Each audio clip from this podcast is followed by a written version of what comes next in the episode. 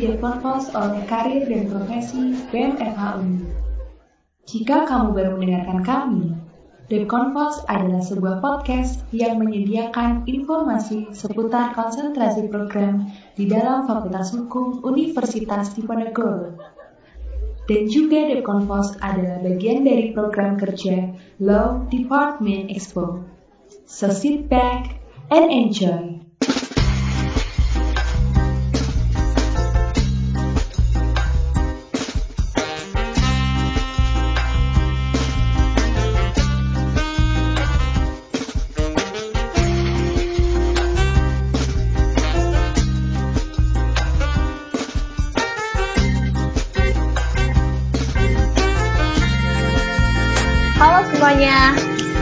Pagi, siang, sore, malam, di mana pun kalian berada. Balik lagi di podcast baik Kapro BEM Eva Undip 2020. Perkenalkan, aku Ayi. Hari ini aku nggak sendirian, karena aku ditemani sama teman Halo aku. semua, aku Halo Gabriel. Gabriel. Hari ini Nah, kita mau ngapain sih, Kita Gap? bakalan mengupas tuntas jurusan yang keren banget nih, langsung sama perwakilan dari jurusannya. Wih, kira-kira Kenalin, siapa hari ini tuh? kita bersama Bang Rio Fernandia, biasa dipanggil Bang Rio, selaku perwakilan dari jurusan Dasar-Dasar Ilmu Hukum. Halo, halo, halo, Wih, halo, selamat Ya, siang Bang Rio. kawan-kawan. Apa kabar Bang? Alhamdulillah luar biasa. Apa kabar Bang? Alhamdulillah. Alhamdulillah. Oke, mumpung udah ada perwakilannya, langsung aja kali ya, Gap. Kita kepo-kepoin tentang jurusan peminatan dasar-dasar ilmu hukum. Eh, kali aja nih, pendengar mungkin masih awam sama yang namanya dasar-dasar ilmu hukum. Mungkin bisa dijelasin dulu, Bang. Apa Nah, sih jadi dasar-dasar begini ilmu kawan-kawan. Dasar-dasar ilmu hukum itu adalah salah satu peminatan yang ada di Fakultas Hukum Undip yang mempelajari dasar-dasar, telandasan atau tonggak bagaimana hukum itu berdiri. Seperti itu kurang lebihnya ya. Oh, alah. Berarti itu ilmu yang mendasari Ya bisa dikatakan seperti itu. hukum gitu ya, Bang ya? Oke, Hmm. mungkin tadi itu gambaran umum tentang dasar-dasar ilmu hukum. Mungkin selanjutnya aku mau nanya ini Bang, Eh, di konsentrasi dasar-dasar ilmu hukum itu mata kuliah apa aja sih Bang yang biasa dipelajari? Apakah mungkin ada mata kuliah wajib dan apa mungkin ada mata kuliah peminatan? Mungkin bisa dijelasin Bang. Ya, tepat sekali. Kalau di dasar-dasar ilmu hukum itu memang ada mata kuliah wajib dan mata kuliah pilihan. Untuk yang wajib itu ada mata kuliah sejarah hukum, penemuan hukum, filsafat, logika dan etika, dan logika hukum. Kemudian untuk mata kuliah pilihan itu ada transformasi hukum, ada perubahan hukum, ada perkembangan pemikiran hukum dan juga bahasa Belanda. Itu. Wah, banyak juga ya Bang ya mata kuliahnya Iya. di Dasbum.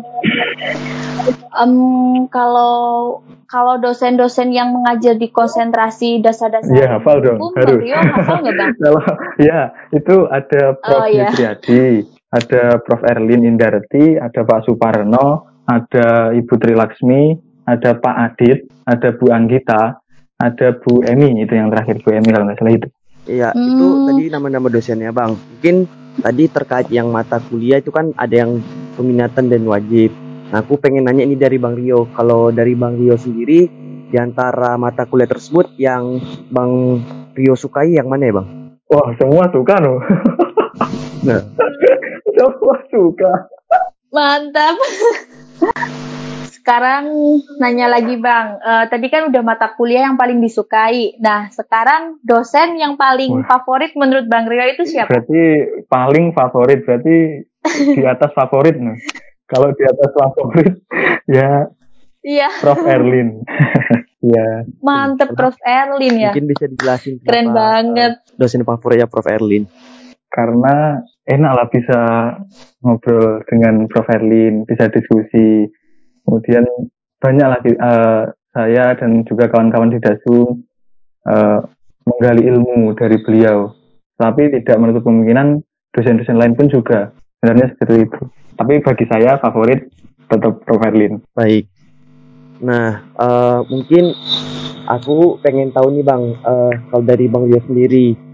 Kalau dari Abang, kenapa sih Bang dulu pas pemilihan peminatan di semester 6 memilih dasar-dasar ilmu hukum? Karena kan ada jurusan-jurusan yang lain juga tuh. Tapi kenapa Bang yakin untuk memilih dasar-dasar ilmu hukum sebagai peminatan Abang? Uh, kalau yakin sih, aku dulu ini suka dengan mata kuliah filsafat hukum. Awalnya itu. Terus kemudian uh, berkaca dari tahun sebelumnya kan yang ngambil kan sedikit di jurusan dasar-dasar ilmu hukum. Nah itu kenapa tidak kan gitu. Lalu setelah Bang Rio milih konsentrasi dasar-dasar ilmu hukum, pastikan ada suka sama dukanya ya Bang yang dirasain. Mungkin boleh Bang diceritain dikit-dikit suka duka di jurusan dasar-dasar ilmu hukum itu apa Bang? Uh, suka dukanya gini, uh, kalau di DDIH ini kan memang bukan peminatan yang tren kan di kalangan mahasiswa Fakultas Hukum Undip. Uh, karena jujur saja yang ngambil peminatan ini kan bisa dihitung dengan hitungan jari kan. Tetapi selalu menarik ketika berada di konsentrasi dasar-dasar ilmu hukum ini karena dapat mempelajari hukum dari sudut pandang yang lebih filosofis, tidak melulu belajar mengenai apa norma hukum yang positif atau terlalu legalistik lah begitu. Dalam peminatan, dalam peminatan ini kan apa semua aspek hukum itu bisa dilihat dari sudut pandang yang lebih luas. Jadi keuntungannya dalam mengambil mata kuliah ini apa peminatan dasar-dasar ilmu hukum ini uh, cara pandang terhadap hukum ini menjadi lebih luas, terus dalam, kemudian mengakar begitu. Uh, itu kan tadi terkait uh, suka duka yang abang rasakan uh, di dalam peminatan dasar-dasar ilmu hukum. Nah, mungkin uh, aku pengen tahu juga nih bang, mungkin kan selama waktu abang memilih peminatan dasar-dasar ilmu hukum, mungkin uh, dari teman-teman abang ada nggak mungkin yang kayak bilang, wah kenapa sih kamu milih jurusan itu, kenapa nggak milih jurusan yang lain? Nah mungkin kalau dari Bang Ria sendiri biasanya menanggapi jawaban-jawaban seperti itu gimana ya Bang? Ya itu kan apa namanya? Namanya juga pilihan kan. Kita harus menghormati lah harusnya kan begitu. Jadi kalau aku menjelaskan kepada teman-teman ya udah ini pilih aku dan aku yakin ya itu aja. Jadi semua kan bisa terima. Di Bang Rio ini uh, sangat yakin sama pendirian dan pilihannya ya bang. Betul sekali. Nah, aku juga menanya nih bang, uh, selama selama abang uh, berkuliah di kenyataan ilmu-ilmu hukum, mungkin kalau dari segi-segi tugasnya itu gimana ya bang? Apakah banyak atau justru tugasnya asik-asik gitu bang? Nah, untuk tugas ini asik sih, menurutku asik. Ya apa, bikin tulisan gitu, kayak bikin jurnal gitu-gitu. Tapi untuk secara apa jumlah itu tidak terlalu banyak sih menurutku. Ya wajar lah lumrah gitu tugas. Berarti buat tugas tuh masih iya, batas wajar gitu ya bang ya? Kalau menurutku malah tidak terlalu banyak, malah enak lah pokoknya sedikit ya. Oh. Widih, jadi tertarik ya Yel? Pengen ya, gak sih? Kalau masuk ke fakultas hukum, kalau udah dibilang tugasnya sedikit pasti tertarik. iya, bener bener bener bener banget. Lanjut nih Bang, mau tanya lagi. Uh, ini juga pertanyaan yang sering ditanyain sama teman-teman Fakultas Hukum. Uh, lulusan dari konsentrasi dasar-dasar ilmu hukum itu biasanya bekerja di mana sih Bang? Atau di bidang apa gitu? Terus buat prospek karir ke depannya itu bagaimana ya Bang? Kiranya Bang Rio bisa eh, menjelaskan uh, berkenaan gitu Bang. dengan itu sih, kalau menurutku semua ini terbuka lebar sih. Karena kan peminatan ini kan apa supaya kita lebih konsen kan terhadap satu peminatan tertentu kan. Nah, akan tapi ini perlu diingat bahwasanya kita lulus itu nanti juga sarjana hukum. Nggak mungkin apa sarjana sesuai peminatannya itu apa nggak mungkin kan. Berarti prospeknya untuk profesi itu sangat luas yang intinya berkaitan dengan uh, hukum. Berarti uh, uh, kesimpulannya sama seperti uh, jurusan hukum pada umumnya dapat memasuki jurusan-jurusan atau bidang pekerjaan yang lainnya juga ya bang. Berarti tidak ada kayak spesifik pekerjaan untuk dasar-dasar ilmu hukum itu tidak ada ya bang? Iya karena kalau menurutku tidak ada sih karena itu nanti kan apa jurusannya tetap apa kalau lulus itu kan gelarnya juga sarjana hukum. Jadi sama mungkin dalam proses pembelajarannya itu berbeda karena konsen itu tadi. Lebih apa konsen ke mana. Kalau di dasar-dasar ilmu hukum ya berkaitan dengan dasar-dasar hukum gitu. Oke. Okay. nah aku uh, mau nanya juga nih bang. Ada beberapa pertanyaan dari teman-teman yang nanya apakah di dalam konsentrasi peminatan dasar-dasar ilmu hukum itu terdapat KKL mungkin bisa dijelasin bang. Kalau KKL aku yang ini sih nggak ada sih. Kalau menurutku nggak ada. Karena aku dan kawan-kawan juga nggak ada KKL. Berarti di uh, peminatan dasar-dasar ilmu hukum itu tidak terdapat KKL gitu ya Bang? Berarti? Iya sih. Aku aku soalnya nggak mengalami itu. oh. Oh, tapi kalau, kalau magang wajib. magang itu ada ya, Mulai Bang? angkatanku, angkatan 2017 ya, itu wajib. Berarti sebelum-sebelumnya itu nggak wajib ya, Ah, Bang? itu mungkin enggak sih, mungkin enggak. Oh. Berarti kalau boleh tahu, Bang, dulu Bang Aku Rio magang di mana ya, di Bang? ini Kejaksaan Negeri Klaten. Wih, magang di kejaksaan gimana tuh bang perasaannya? Apakah pekerjaannya sulit gak di situ bang? Ya sangat Bang. senang lah karena lingkungan baru kan. Ya kita yang biasanya hanya apa belajar di kelas, kemudian kita magang di kejaksaan kan otomatis mendapatkan apa pengetahuan baru gitu seru lah. Oke, Itu ketemunya sama senior-senior Senior. gitu ya, Bang? Maksudnya yang orang udah lebih Oh, iya. dewasa Iya, daripada kita iya, sih? kejaksaan gitu. Itu Iya kan? serunya. Heeh. Hmm. oke. Eh, aku mau nanya juga nih bang, Eh, apakah di peminatan dasar-dasar ilmu hukum itu sendiri terdapat ikatan mahasiswa seperti di eh, peminatan yang lainnya? Ah, untuk itu sih eh enggak ada ya karena kan apa? Jumlah minat itu kan sedikit. Jadi mana mungkin kita membuat apa suatu perkumpulan gitu kalau orangnya cuma empat misal gitu. Kalau banyak ah, wah, boleh. Bisa bisa. Sangat bisa. Iya. Mungkin tahun ini bakal banyak, Bang. Soalnya eh, dari pertanyaan itu banyak banget, Bang, yang masuk, yang ngepoin tentang Dasum itu gimana sih? Itu banyak banget, Bang. Ya, Hel ya. Aduh.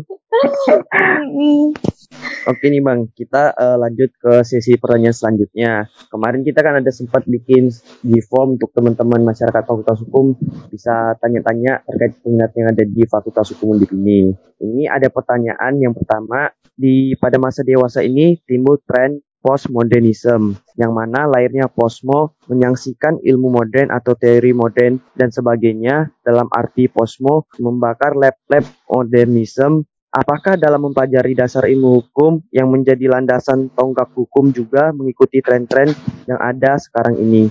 Atau kita belajar ilmu-ilmu atau teori-teori yang lampau seperti yang kita ketahui Jesquis Derrida meragukan keadilan dalam hukum. Nah, mungkin bisa dijawab kali. Wah ini menarik sekali ini ya.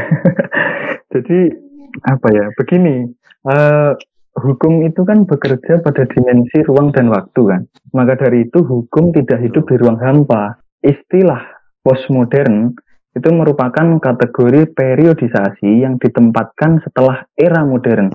Sementara era modern sendiri merupakan periode yang datang setelah era pramodern. Maka secara literer istilah postmodernisme menunjuk pada era dan pemikiran yang muncul setelah era modern dan pemikiran modernisme. Modernis, modernisme itu adalah pemikiran sebagai kelanjutan dari proyek pencerahan yang menekankan kesatuan, universalitas, dan juga kepastian. Sebaliknya, postmodernisme itu justru menekankan adanya pluralitas, adanya lokalitas, dan juga apa relativitas keberagaman. Seperti itu. Postmodernisme itu dapat diartikan sebagai pandangan kritis terhadap kondisi modernitas dan pemikiran modernisme. Mereka, kaum postmodernis, itu menggantikan sesuatu yang satu dan universal itu dengan sikap hormat atas perbedaan dan juga uh, penghargaan kepada yang apa namanya lokal seperti itu serta membuang yang apa universal. Kaum postmodernis ini kan apa meragukan konsep kebenaran yang universal tadi. Kesadaran posmo ini meng, menganut apa yang dinamakan dengan sikap relativisme dan pluralisme. Konsep relativis ini sendiri uh, apa yang ada di posmo ini kan menyempitkan makna kebenaran menjadi itu sifatnya lokal atau istilah lainnya kontekstual. Nah, dengan perspektif yang lokal ini, paham posmo ini tidak apa tidak merasa perlu untuk memberikan klaim perihal posisi kebenaran jika dihadapkan pada kompleksitas kasanah lokal yang ada di semesta ini. Bagi paham ini, masalah keyakinan, kepercayaan, uh, kebenaran adalah apa berbincang tentang masalah konteks sosial uh, yang akhirnya mengantarkan pemahaman bahwa uh, apa yang benar untuk sesuatu konteks tertentu mungkin saja tidak benar atau tidak cocok bagi konteks yang berbeda. Demikian juga sebaliknya. Mengenai apa yang dipelajari untuk pembelajaran itu semua dipelajari sih, bukan hanya tren tren postmodernisme harusnya begitu. Kemudian apa postmodernisme hukum ini kan melakukan pembalikan hukum dari legalitas et ke etis, dari objektivitas ke subjektivitas, dari kepastian ke ketidakpastian, dari universalitas ke lokalitas, dari makna tunggal ke makna plural. Nah, postmodernisme hukum ini apa bukan hanya sekedar reaksi kritis terhadap modernisme, melainkan uh, ingin memperjuangkan tatanan hukum postmodern yang lebih manusiawi, adil, dan membebaskan berdasarkan konsensus dan keberagaman sosial dan budaya yang ada di tengah masyarakat. Nah, keraguan terhadap objektivitas dan netralitas hukum, apa di dekonstruksi, apa formalisme hukum dan dekonstruksi subjek hukum harus dilihat dalam perspektif yang lebih, lebih positif yakni sebagai upaya untuk memperbarui dan mereformasi hukum. Dalam tataran ilmiah, nah, skeptik postmodernisme dari hukum ini atas objektivitas, netralitas, status ilmiah, penalaran hukum, dan moralitas dalam derajat tertentu berguna untuk memperbaiki hukum agar berkembang dalam rel yang lebih tepat untuk menegakkan keadilan. Kurang lebih seperti itu. Panjang. Sungguh kompleks banget ya Bang jawabannya ini. Rio ini kelihatan sangat paham tentang pelajaran-pelajaran di dasar-dasar hukum nih. Iya. Kelihatan. Keren Amin. banget, keren banget jawabannya. Mungkin lanjut ih pertanyaannya apa lagi tuh? Oke, okay, selanjutnya uh, ada pertanyaan khusus lagi ya Bang. di Dashum itu untuk kajian skripsinya bagaimana ya Bang? Apakah nanti skripsinya itu berisi pemikiran-pemikiran seperti filsafat atau yang bagaimana Bang? Mungkin Bang Rio bisa jelasin terkait kajian skripsi di Dasum itu bagaimana? Nah, kajian skripsi itu di, di peminatan dasar-dasar ilmu hukum ini uh, sangat menarik lah tentunya. Uh, karena ini nanti tertuang dalam proses penelitiannya. Ya, uh, bagaimana titik pandang atau standpointnya itu menyangkut posisi strategis peneliti yang berkaitan dengan tradisi yang akan menuntun peneliti ke dalam penelitian tersebut. Satu. Kemudian kedua, paradigma apa yang dipakai? Bisa nanti positivisme, bisa post positivisme, bisa critical theory et al, atau konstruktivisme. So, kemudian strategi apa dari apa penelitian itu yang dipakai?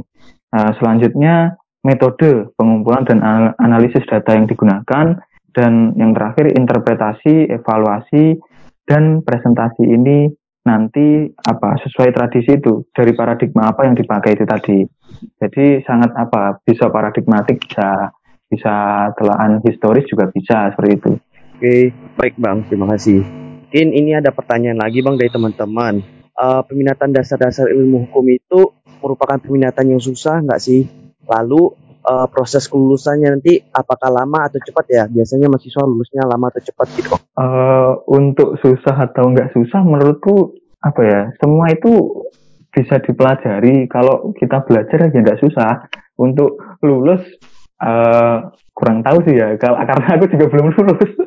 Kalau nanti aku sudah sudah lulus berarti aku bisa tahu tuh ini nanti cepet atau enggak cepet. Tapi yang pasti uh, selama kita tetap apa jalan jalan gitu aja pasti cepet kok nggak mungkin enggak tergantung. Berarti ini dasar-dasar ilmu hukum bukan mata kuliah yang terlalu sulit berarti masih bisa lah diikuti oleh iya, mahasiswa. ya, ya pasti bisa. Pasti bisa itu pasti bisa Mantap. Nah, sekarang kita udah mau masuk ke sesi terakhir nih, Bang. Ini sebagai pertanyaan penutup. Eh, kira-kira apa aja sih, Bang, yang perlu disiapkan dalam menentukan pemilihan konsentrasi? Uh, mungkin boleh dibagi tips and trick dari Bang Rio untuk teman-teman yang mendengarkan podcast yang, ini, Bang. Uh, intinya kalian harus ini dulu lah.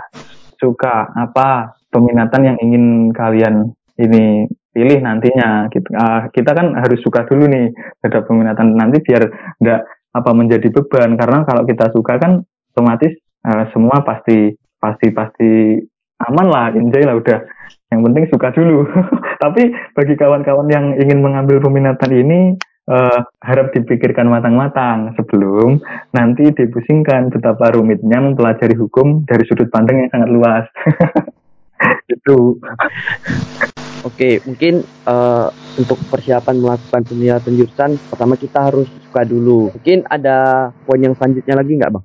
Ya, itu sih. Kalau suka kan berarti kan aman lah udah. Udah yang penting ada satu nih nilai plus suka. Suka dulu, terus kemudian uh, yakin, harus yakin dong. Pasti dengan peminatan. Nanti takutnya apa? Ketika tidak yakin, uh, udah ngambil peminatan, terus di tengah jalan, loh kok gini? Nah, itu. Kita kan berarti tidak uh, yakin tuh. Jadi harus harus yakin dari awal juga. Itu aja sih menurutku. Oke. Jadi tips dari Bang Rio pertama untuk teman-teman harus yakin dulu dengan uh, peminatan apa yang kita ambil harus suka dan yeah. yakin. Mungkin menurut Bang Rio itu kunci terbesar untuk kita sebagai mahasiswa mempersiapkan untuk memilih jurusan. Ya, sangat ya sangat tepat sih menurutku itu saja. Baik, terima kasih Bang. Baik. Oke, keren banget ya jadi jawaban-jawaban dari Bang Rio pastinya ngebantu banget nih uh, mencerahkan pandangan-pandangan dari teman-teman Fakultas Hukum yang dari sebelumnya ragu-ragu atau belum mengetahui tentang dasar-dasar ilmu hukum jadi tahu bahkan mungkin next akan memilih dasar-dasar ilmu hukum sebagai peminatan. Amin. ya bener banget Del. nah sebelum kita mengakhiri obrolan ini mungkin dari Bang Rio ada closing statement yang ingin disampaikan Bang. Ya, Silakan Bang. Semoga apa yang uh, bisa saya sampaikan ini nanti bisa menjadi apa namanya referensi bagi kawan-kawan yang ingin mengambil uh, peminatan nantinya. Uh, ingat, di, saya ingin mengingatkan di ketika nanti kalian mengambil dasum itu uh, harus dipikirkan matang-matang sebelum dipusingkan betapa rumitnya mempelajari hukum dari sudut pandang yang sangat luas itu tadi. Seperti itu sih. Mantap. Terima kasih banyak ya Bang Rio yang sudah bersedia berbincang-bincang pada siang hari ini. Nah, melalui podcast dari bidang karir dan profesi, uh, semoga informasi dari podcast ini dapat membantu teman-teman kita semua untuk mengambil peminatan sesuai dengan passionnya. Uh, terima kasih pula kepada seluruh pelopor yang sudah setia mendengarkan podcast dari awal sampai akhir. Sampai jumpa di segmen-segmen kapro selanjutnya. Terima kasih. Terima kasih. Terima kasih. Terima kasih juga. Dadah.